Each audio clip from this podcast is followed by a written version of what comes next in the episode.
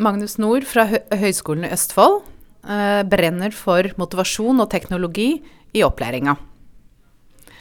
Magnus, eh, hvordan kan man bruke læringsteknologi for å øke motivasjonen og engasjementet hos deltakere? Nettbaserte studier sånn som jeg eh, driver med, er jo forskjellig fra alle andre studier. Eh, og noe av problemet til mange av nettstudiene det er jo at de har hatt enormt stort frafall. Og vi har da leta etter faktorer som kan motivere de på å fullføre.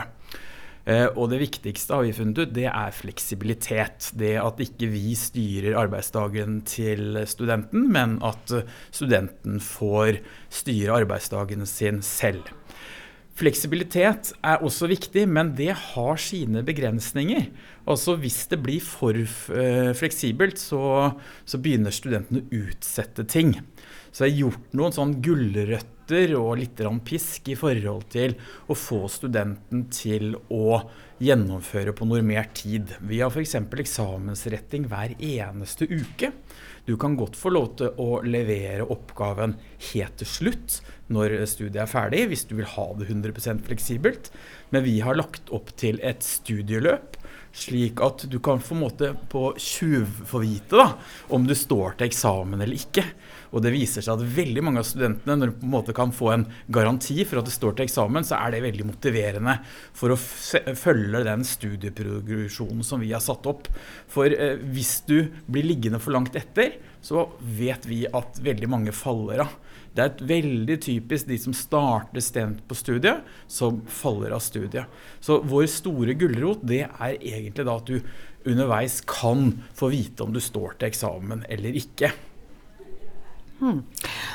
Eh, når det gjelder motivasjon og teknologi, er det en særlig metode, en metode som alle lærere bør omfavne og ta i bruk? Nei, jeg, jeg klarer ikke å gi deg noen fasit på det. Eh, altså, Vi mennesker lærer jo på forskjellige måter.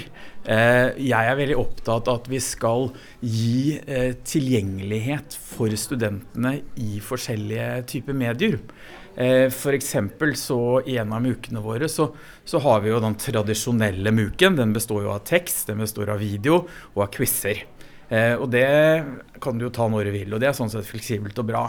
Men vi har også valgt at uh, du kan få pensum som e-bok, hvis det er det du foretrekker å gjøre, hvis du liker å lese i en bok aktig. Uh, vi har lagd pensum som lydbøker. Eh, slik at de som liker å høre istedenfor å lese, har en mulighet for det. Og vi prøver hele tiden å bygge opp slik at eh, det, skal tilpasses den enkelte.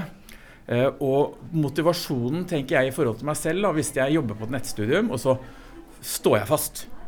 Hva gjør jeg da?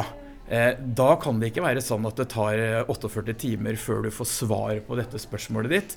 Det må gå relativt kort tid. Og vi har gode erfaringer med at vi bruker diskusjonsforum. Vi bruker Facebook rett og slett fordi det er den arenaen som flest studenter befinner seg på. Men vi har også eh, hele 14 timer i uka, så kan de få ansikt-til-ansikt-veiledning én og én med oss som foreleser de forskjellige kursa. Og det, er, eh, det dekker et behov eh, fra de som er på vei til å falle fra studiet, tror jeg. Magnus Nord, du er også opptatt av måter å bruke teknologien på i vurdering for læring. Kan du gi tre tips for hvordan? Ja, det, det kan jeg gjerne gjøre, vet du. Eh, veldig naturlig i eh, MOOC som jeg driver med, er jo multiple choice. Mange ser ofte ned på multiple choice. Men multiple choice tror jeg er en veldig god løsning. Vi har veldig gode erfaringer med det. Vi har diskutert opp og ned veggene på hva som er lurt. Og vi har funnet ut at når du får et multiple choice-spørsmål, så får du vite om du svarer riktig eller galt. Men svarer du galt, så får du ikke vite hva som var det riktige. Men du får vite hvorfor det du svarte, var feil.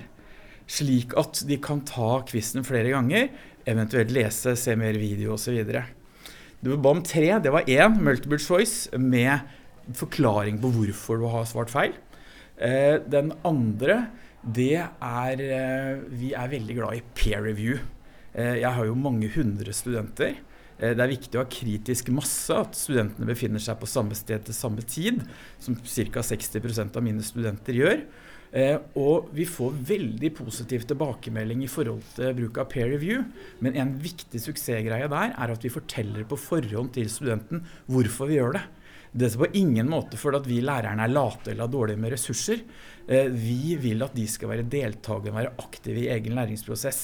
Og veldig mange av studentene nevner det som utrolig nyttig å få tilbakemelding og se på andre studenters oppgave som har løst akkurat de samme oppgavene som dem, bare på en annen måte. Sist, men ikke minst, så er jo jeg eh, brenner jo veldig for video i alle mulige sammenhenger. Om det er undervisning, veiledning. Men eksamen har vi ekstremt god erfaring med å bruke refleksjonsvideo som eksamensform.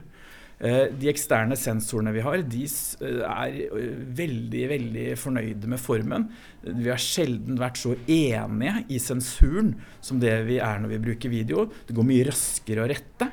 Eh, ofte så har vi da at man skal lage type et produkt, og så man, får man gitte vurderingskriterier, og så skal man reflektere over det. Og så lager våre studenter en refleksjonsvideo på opptil ti minutter. Det har vi veldig gode erfaringer med, og vil anbefale alle andre også å prøve. Det høres kjempebra ut. Takk skal du ha.